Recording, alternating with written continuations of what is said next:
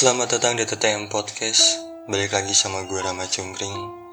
Ini adalah episode tanggal 21 September 2020 Di episode kali ini gue pengen ngasih segmen baru buat kalian. Nama segmennya adalah Terima Kasih.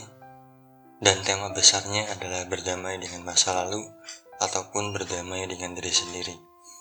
Kenapa gue uh, mengambil tema itu? Karena gue sadar betapa pentingnya berdamai dengan masa lalu, berdamai dengan diri sendiri, karena menurut gue itu adalah kunci kebahagiaan lu hari ini. Selain lu harus bersyukur atas apa pun yang lu dapatkan hari ini, lu juga harus berdamai dengan masa lalu lu, lu harus berdamai dengan diri sendiri. Dan makanya kenapa menurut gue itu sangat penting. Salah satu contohnya kayak keadaan sekarang terutama khususnya di Jakarta udah ngelewatin satu minggu masa PSBB dan juga gue denger di beberapa kota yang kemarin udah bisa dibilang aman ternyata per hari ini sudah mulai bermunculan lagi eh, pasien-pasien yang sudah dinyatakan positif COVID-19 oleh karena itu buat kita semua kayaknya penting banget berdamai dengan keadaan sekarang biar kita tuh nggak nggak stres ngadepin di masa-masa sulit kayak gini biar kita tuh tetap bisa bahagia.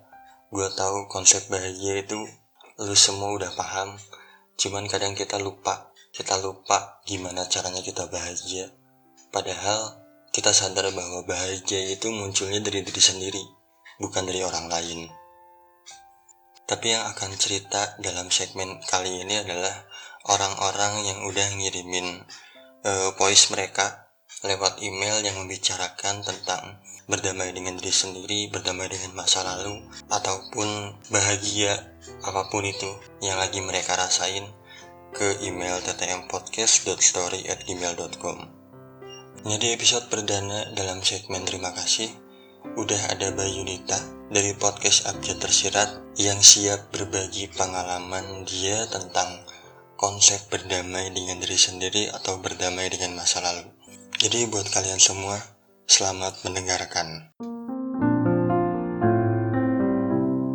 Segala yang kita rindu belum tentu sama jika kembali pada akhirnya. Sebab itu, hati-hati menakar perasaan. Karena segala yang hidup berubah-ubah sepanjang waktu. Itu bukan tulisan gue, tapi itu tulisan yang gue baca saat pertama kali gue bangun pagi dan langsung nyalain handphone. Pagi itu gue mimpiin tentang mantan gue. Padahal di sebelah gue ya udah ada suami gue. Rasanya setiap pagi saat itu terjadi hati gue bener-bener berkecamuk antara senang, antara uh, deg-degan, antara ngerasa bersalah, dan antara rasanya depresi sendiri aja gitu. Kenapa ya kayak udah wow mungkin 10 tahun kali ya lewat tapi masa lalu itu kayak masih mengentayangi aja gitu loh. Lalu malamnya tiba-tiba Rama um, yang punya podcast ini message gue tanya ke gue boleh nggak kirim rekaman suara uh, maksimal 5 minutes untuk ngomongin tentang uh, apakah lu udah berdamai sama masa lalu lu? Kalau iya kenapa kalau nggak kenapa dan ada solusinya nggak wow. Dua hal itu jadi gue nggak bisa bilang itu tamparan dari semesta tapi lebih kepada peringatan gitu. Kadang-kadang saat kita udah punya um, pasangan tetap kita kadang-kadang lupa gimana cara untuk menghargai mereka sampai akhirnya mereka hilang gitu. Ya untungnya gue sama suami gue nggak kenapa-napa kita oke-oke aja suami gue juga nggak meninggal atau apa tapi kadang-kadang dari hal kecil itu ya diingatkan kembali gitu. Lu gak perlu sampai kehilangan orang yang di sebelah lu ini. Uh, dan lu gak perlu mencari-cari kebahagiaan itu atau rasa manis atau rasa nostalgia itu dari masa lalu lu gitu.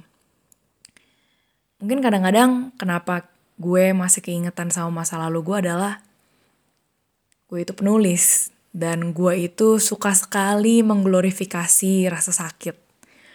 Gue itu suka sekali mengglorifikasi rasa cinta, semua rasa lah gue glorifikasi. Karena menurut gue di sana itu tersimpan cerita-cerita dan juga kata-kata yang benar-benar um, jujur dan menohok hati gitu. Tapi ya di tengah-tengah gue menulis atau di tengah-tengah gue menyelusuri emosi-emosi emosi-emosi itu ya terkadang um, jadi terbawa suasana dan jadi keingetan sama masa lalu gue.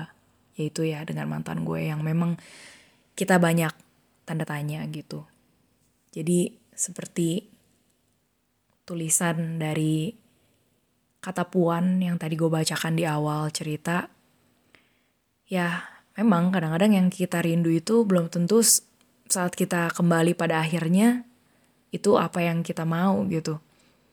Karena um, saat kita merindukan seseorang atau ya cerita masa lalu kita, sebenarnya kita itu cuma rindu sama the idea of that person at that time. Um, kita mungkin rindu masa-masa sederhana di saat itu. Um, tapi pada akhirnya kita tidak perlu merealisasikan itu kan. Kita nggak perlu sampai selingkuh lah atau kontak mantan. Hanya cuma karena hal itu aja. Semoga yang dengerin um, bisa dapat sesuatu dari sini. Um, gue Yunita dari host podcast Sabja Tersirat.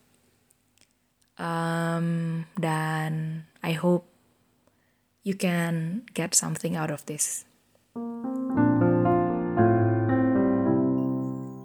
Nah, itu dia cerita dari Mbak Yunita, podcast Abjad Tersirat.